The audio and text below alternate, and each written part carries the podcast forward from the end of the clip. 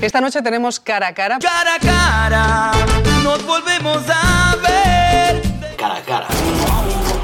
Cara a cara, la más de fuego, vamos a ver que no se para. Saludos. Tenemos esta vez en el cara a cara de Pontevedra Viva Radio a un médico especialista, eh, Alfonso Amado Puentes. Eh, por segundo año consecutivo ha sido eh, ganador, él y su clínica, de uno de los Doctoralia Awards. En primer lugar y antes que nada, felicidades, Alfonso, por ese, por ese premio. Muchas gracias. Y, y gracias por estar aquí, ¿no? A hacer el- Gracias el a vosotros huequito. por la invitación.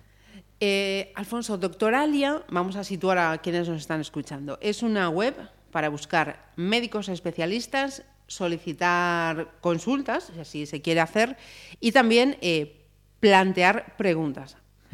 Eh, que son respondidas, como podéis imaginar, pues por médicos que se registran en esta web. Es decir, eh, se pueden registrar usuarios, se pueden registrar médicos y se pueden registrar eh, centros médicos. Bien, pues los Doctoral Awards son los reconocimientos que esta web da al trabajo de estos profesionales en sus respectivas especialidades. Son resultado de valoraciones de esos pacientes y de los médicos, ¿no? de los colegas que, que estáis también eh, inscritos en, en esta web y de los gestores, teniendo en cuenta pues, el acierto, la calidad de las respuestas que las personas plantean. En este caso mm, que nos ocupa, eh, Fernando, te iba a decir, Alfonso, em, para vuestra clínica, para la clínica Amado, además de notoriedad, lógicamente, eh, ¿qué os ha supuesto este premio? Que además es el segundo año consecutivo que lo recibís. Sí. Pues, hombre, mucha alegría, ¿no? Alegría y satisfacción. La verdad es que estamos mu- muy, muy, muy contentos. Eh, de todas formas, eh, yo también lo planteo a veces. Yo, yo tengo 37 años y sé que tengo muchísimo que aprender. Entonces, bueno, nosotros este premio un poco lo interiorizamos como que estamos yendo en el buen camino. Es decir, las cosas que estamos probando, intentando hacer con los pacientes, parece que a la gente les están gustando y nos están poniendo en la senda adecuada. Entonces, bueno, es un refuerzo y agradeces que, que la gente valore este tipo de cosas.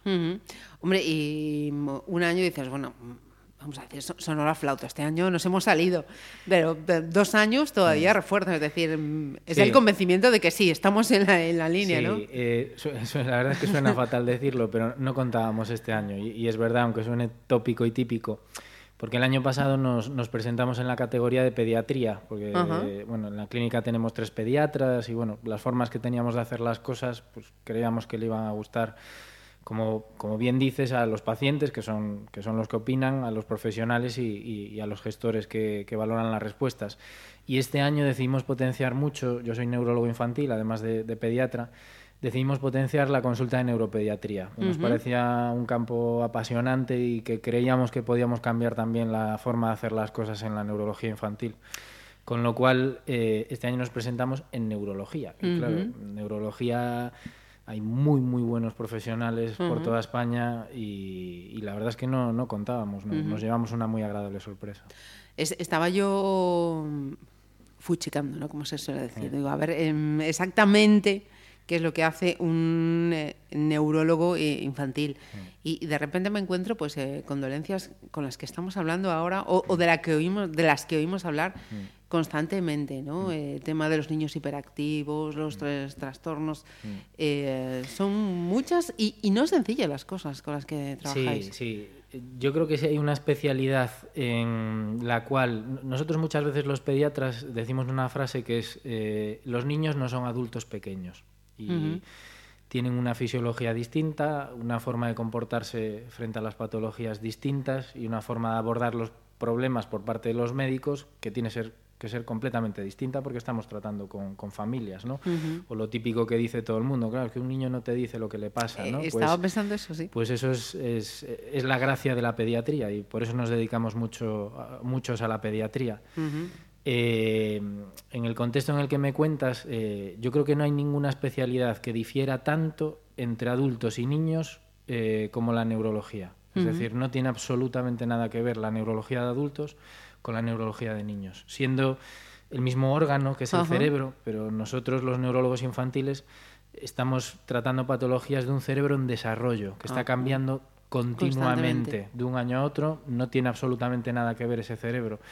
Con lo cual es un campo apasionante y, fascinante que a muchos de nosotros nos, nos, gusta. A la vez es un campo que es un desafío. Eh, ahora mismo, lo comentaban en algún otro sitio, estamos viendo pues el boom de las neurociencias. ¿no? El cerebro es el gran órgano desconocido eh, y en los últimos 10-20 años pues ha avanzado una, una barbaridad y, muchos de los que estamos metidos un poquito en el meollo, eh, vemos el futuro con, con, muchísima ilusión porque sabemos que es un campo que va a dar muchas alegrías, ¿vale? Em, eso significa también, y ahora explico algo que se, entiendo algo que estaba leyendo. Formas parte en, no recuerdo el acrónimo, eh, el acrónimo perdón, pero era eh, la Sociedad Europea de mm. Neuropediatras, ¿no? Sí. Eh, no sé, mi abuelo decía siempre que, tienes que intentar rodearte de los mejores para aprender, ¿no? de gente que te aporte cosas. Y, la verdad es que en medicina yo tuve claro desde el principio que te tienes que pegar a los buenos y es de los que tienes que aprender. Entonces siempre he intentado tener una actividad muy constante, eh, sacrificando parte de mi tiempo siempre en las sociedades científicas. Siempre he intentado participar en, en la sociedad eh, española de neuropediatría muy activamente eh, y luego en cuanto he tenido la oportunidad me he metido de lleno en la Sociedad Europea de, Neuropediatría. Allí es donde están los mejores y realmente es donde aprendo más eh, compartiendo conocimientos con gente que es puntera a nivel europeo en, en sus ámbitos. Ajá. Volviendo a, a Doctoralia, Alfonso, en vuestra clínica eh, entiendo que ha hecho eh, una estrategia empresarial también eh, enfocada hacia estas nuevas tecnologías, mm. hacia Internet, hacia las mm. redes sociales. Me encantaría decirte que sí, pero no. no, vaya. Yo, te cuento un poco cómo, cómo, fue el proceso. Lo vamos a empezar a hacer ahora, pero te cuento cómo fue el proceso. bueno, yo, como mucha gente, pues me formé en bueno, un hospital público. Y a lo largo de mi formación, pues todos los que nos formamos en los hospitales públicos, que realmente son punteros y, donde más aprendemos, donde puedes aprovechar más eh, conocimientos, pero bueno, ves eh, determinados hándicaps a la hora de atender pacientes que derivados un poco, pues eso, pues es como si dijésemos, nosotros le llamamos como un elefante, ¿no? Pesado, que es difícil de mover y cambiar algunas dinámicas. Entonces, Simplemente lo que hicimos es intentar replantear la asistencia de los niños desde cero. Es decir, si, esto no lo hubiese visto, ¿cómo me gustaría que fuese una consulta de pediatría? Pero desde cero me refiero desde una familia, desde que pues, tiene un problema en su casa porque su hijo se ha puesto enfermo. Pues nosotros decidimos replantearnos cuál es el proceso desde que decide pedir una consulta o que necesita un pediatra. Busca en internet un pediatra.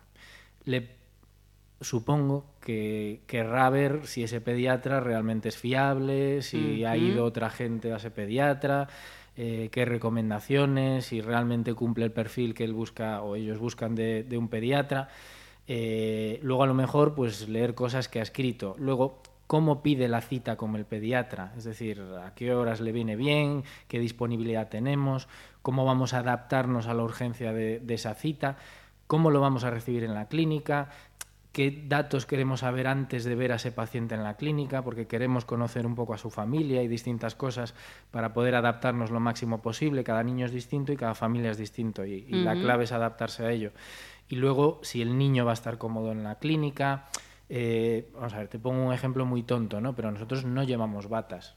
¿Por qué no llevamos batas? Pues porque un niño cuando ve una bata, pues no le gusta y se pone nervioso y a lo mejor llora. Y a lo mejor la diferencia entre que llore o no llore, pues implica que a lo mejor yo no lo puedo ocultar.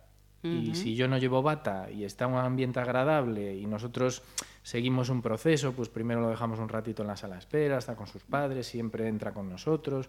A veces utilizamos, eh, no siempre, pero bueno, tablets, juguetes, etcétera, etcétera. Lo exploramos en brazos de la madre si es necesario. Y luego, eh, pues por ejemplo, ¿no? algo tan tonto como cómo le puedo explicar yo a las familias lo que he visto y lo que tienen que hacer para solucionar el problema eh, sin que el niño se aburra. Algo tan tonto como esto, que a lo mejor pues está revoloteando o se aburre o está diciendo cosas y yo no puedo hablar con las familias. bueno, pues tenemos una especie de tienda de campaña eh, justo al lado de la mesa del médico, que los niños se meten ahí, está llena de juguetes, y están jugando tranquilamente mientras yo hablo con calma con los padres y, y, resuelvo sus dudas completamente. Cuando se van de la clínica, ¿cómo se van a ir de la clínica? ¿Qué se van a llevar de la clínica? ¿Cómo les vamos a hacer las recetas? ¿Cómo les vamos a dar la siguiente cita? Si necesitan algo después, ¿cómo van a contactar con nosotros? Y luego hacemos un seguimiento, es decir, pues nosotros automáticamente, pues al, día siguiente eh, le llega un mail a cada nuevo paciente y le dice, oye, ¿qué tal? Eh, ¿Cómo fue la cosa? Eh, mira, por ejemplo, eh, hicimos eh, de, preguntas que nos hacen mogollón las familias, sobre todo sueño, alimentación, cosas de este tipo. teníamos, bueno, tenemos un blog que se llama minpediatra.es y pues eso, yo el, por eso te digo que no seguimos ninguna estrategia, porque es, mira, joa, me llevan preguntando un mogollón de tiempo de las bronquiolitis. Pues nada, hacemos un post de la bronquiolitis. Entonces, eh, de sueño y alimentación decimos recopilar todos los posts, porque es un poco temáticas generales para todos. Y entonces, pues les mandamos a todas las familias una especie de ebook, medio cutre, no un PDF, pero bueno, de sueño y alimentación, como mira, si tienes alguna duda de esto, a lo mejor también te puede ayudar.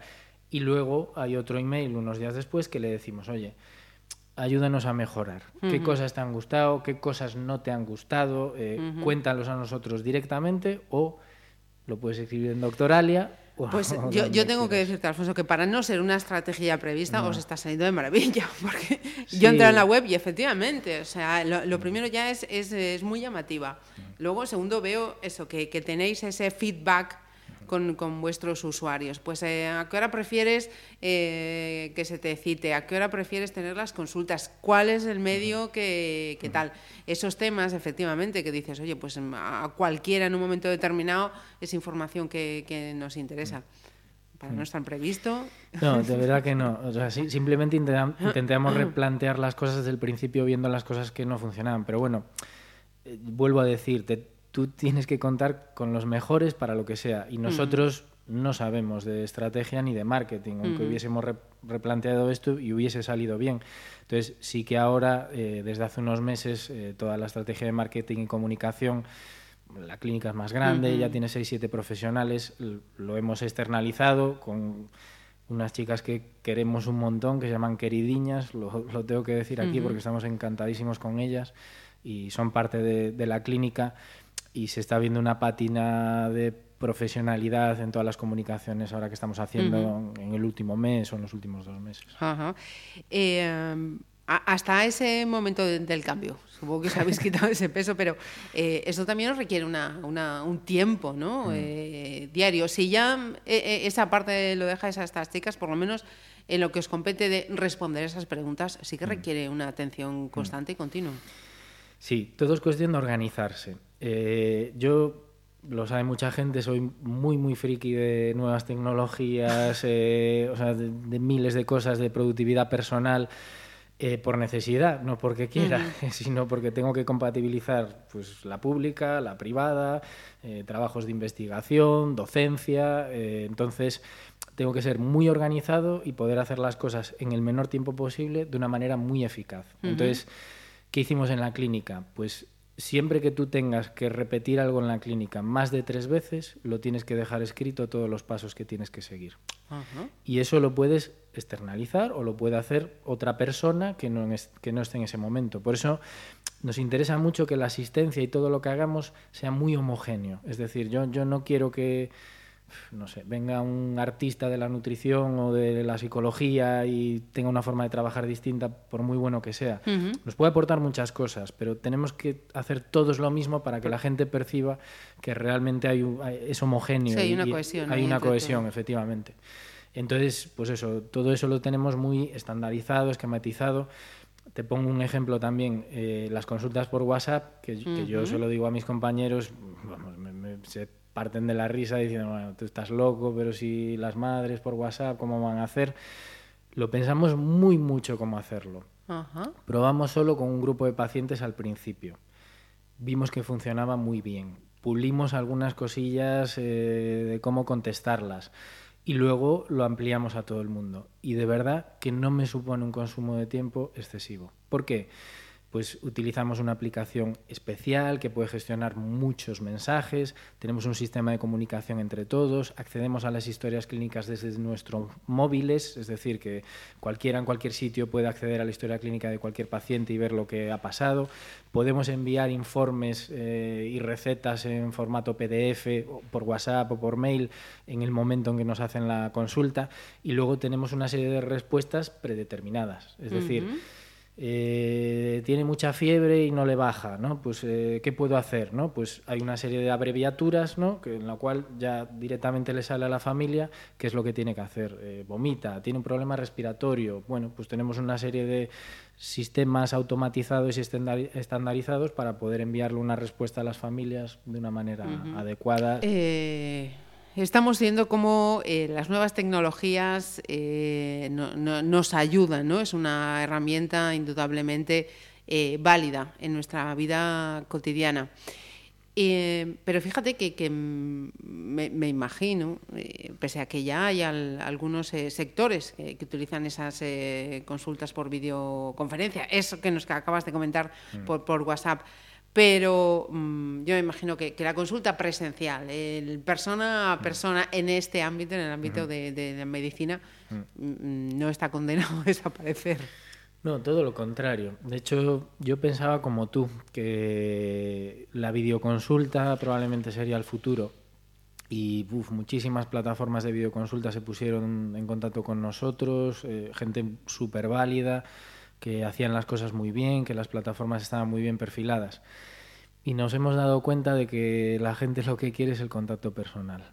Lo que quiere es hablar cara a cara con el médico, no por un vídeo. Y yo creo que tiene su utilidad, eh, a lo mejor en gente que no puede tener acceso físico por la razón que sea. Pero si tú tienes la posibilidad de hablar directamente con el médico cara a cara, eso yo creo que es muy difícil de replicar eh, por mucha tecnología que haya. Entiendo que, perdona, ¿eh? entiendo, pues como nosotros utilizamos el WhatsApp, se pueden resolver dudas puntuales, es decir, tú no te tienes que desplazar hasta un médico para preguntarle la dosis del ibuprofeno eso, eso cae de cajón. Pero cuando hay un problema de salud, eh, cuando tú estás preocupado realmente, quieres hablar con el médico. Y, te iba a decir, y me imagino, no, no soy madre, eh, que si mm, estamos hablando de la salud de, tu niño pequeño, mm. todavía más, ¿no? Quieres ese contacto físico que te lo digan personal, personalmente. Sí, los pediatras, eh, bueno, yo, yo, siempre digo que si, si eres médico, tienes que estar entrenando tu empatía diariamente y a lo largo de los años porque nunca va a ser la suficiente eh, para poder ponerte en el lugar de unos padres que realmente están preocupados. Y, es que es así. Eh, lo, que tienes que intentar es ponerte en su lugar. Y para ponerte en su lugar, pues tú tienes que estar delante de ellos, ver cómo es su lenguaje corporal, cómo es su forma de hablar, eh, la manera en la que tú les vas a contar las cosas para que te entiendan mejor y eso solo se consigue con, un cara a cara, independientemente de, la exploración física, que por ahora en medicina pues es una parte crucial del acto médico. Entonces, claro, por ejemplo, el, si antes te decía que tenemos como abreviaturas eh, que nosotros ponemos en el WhatsApp y, sale como una respuesta predeterminada, la que más usamos es la de procesos respiratorios. Es decir, mocos, toses, porque es un problema muy agudo, muy molesto. Claro, está, el niño está tosiendo toda la noche y eso altera a toda la familia. Entonces, sí que nos hacen muchas consultas de este tipo. Y en eso sí que les decimos, es imposible que yo te pueda dar una respuesta de calidad y fiable sin, sin auscultarlo. Es, imposible. En este momento, ¿eh? no sé en el futuro, que, inventarán. Pero ahora mismo yo necesito el fonendo pues, para ver si es una bronquiolitis o una rinitis o un goteo posnasal o un catarro sin más. Es la única forma que tengo. Entonces, ahí eso no lo puede hacer la videoconsulta. Eh, mira, Alfonso, mm, y, ahora le, pregunto, ya que tengo el profesional delante, que la respuesta, lógicamente, es, creo, creo que es obvia, pero es que somos muy dados a preguntar al señor Google eh, cualquier cosa eh, y, en tema de medicina no nos cortamos, ¿no? Un término, venimos del médico, nos han dicho algo, vemos tal, venga, vamos a preguntar al señor Google a ver qué es lo que tengo que hacer. MEC, error. No, ¿No? No, no, para nada. Yo, yo es que yo, yo es que lo veo en mí mismo. O sea, yo, yo si tengo algún problema lo que hago es poner en Google. Si sí, sí, vamos, es un si señor que tenemos todos ya Claro, eh, si alguien ha- en vena. Si alguien ha tenido algún problema. Entonces, yo entiendo perfectamente que unos padres, en el contexto de tener un problema, escriban en Google ese problema y vean un poco cómo han, no sé, otras personas que pudieron haber tenido ese problema y cómo ha sido la solución. El problema de Google en medicina es la calidad de las respuestas. Ah, Es decir, si yo de repente, eh, pues no sé, digo una barbaridad del ibuprofeno, probablemente, como es algo que genera mucha polémica, pues en el ranking de Google, eh, sin ser yo ingeniero, ¿eh? no, ahora no me voy a meter en jardines de los que no voy a poder salir, pero vamos, si de repente empieza a entrar mucha gente en esa página que dice una barbaridad, va a subir más en el ranking de. Google. El algoritmo de Google Sí. no sabe medicina. Entonces, claro, hay que filtrar de alguna manera eh, ese tipo de respuestas. Y nosotros, por ejemplo, la plataforma Doctoralia nos gustó mucho y apostamos por ella desde el principio porque es una forma de poner en contacto a médicos y a pacientes de una manera profesional y fiable. Entonces, ahí la gente puede plantear sus dudas y médicos acreditados eh,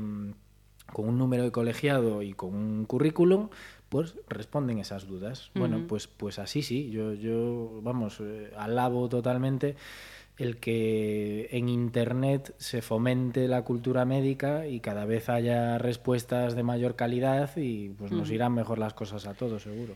Como en la vida real. Si yo quiero comprar manzanas, no me voy a la lavandería, me voy a la frutería. Pues en este caso, ¿no?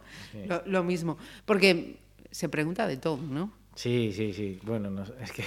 No sé si tienes No, alguna no pregunta que de Sí. repente cuando la leíste te quedaste con ojo y plático. Sí, no, no, bueno, hay preguntas tremebundas, pero no- nosotros con lo que nos partimos mucho de risa en la clínica es como con que de hecho le empezamos a llamar nosotros, porque sí, le- leyendas urbanas pediátricas, ¿no? que a veces lo ponemos en Instagram y en algún sitio más.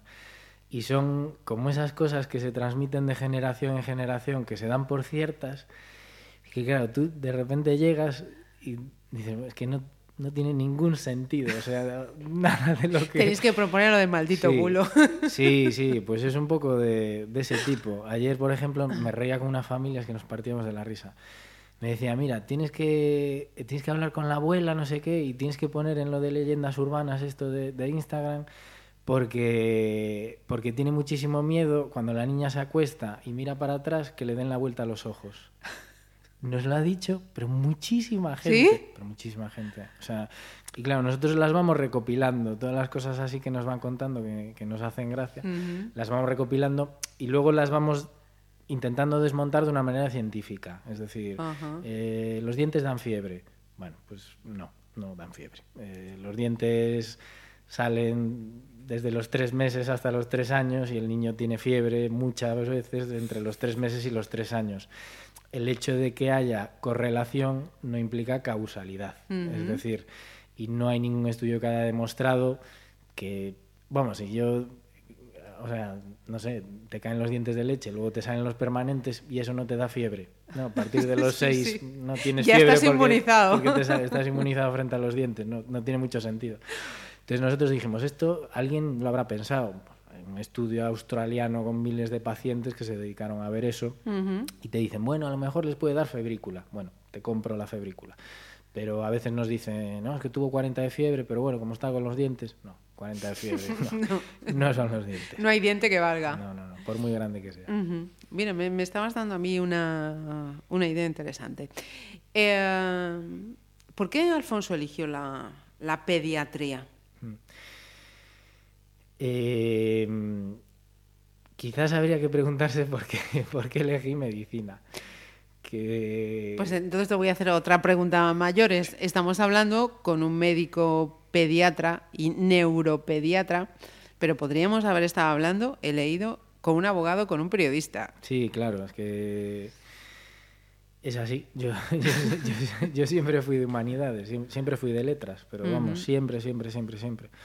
Siempre me encantó muchísimo escribir. Yo, yo creo que parte del background que tenemos nosotros luego se va proyectando en el futuro, ¿no? Entonces todo esto de escribir los posts y esas cosas que pff, a mí me gusta mucho escribir. Te tiraba. Sí, es que me gusta mucho, disfruto mucho escribiendo y, y contando historias. Entonces eh, yo siempre fui, pues eso, de letras, de humanidades, siempre me encantó y, y siempre quise ser, de, de toda la vida, periodista o, o abogado.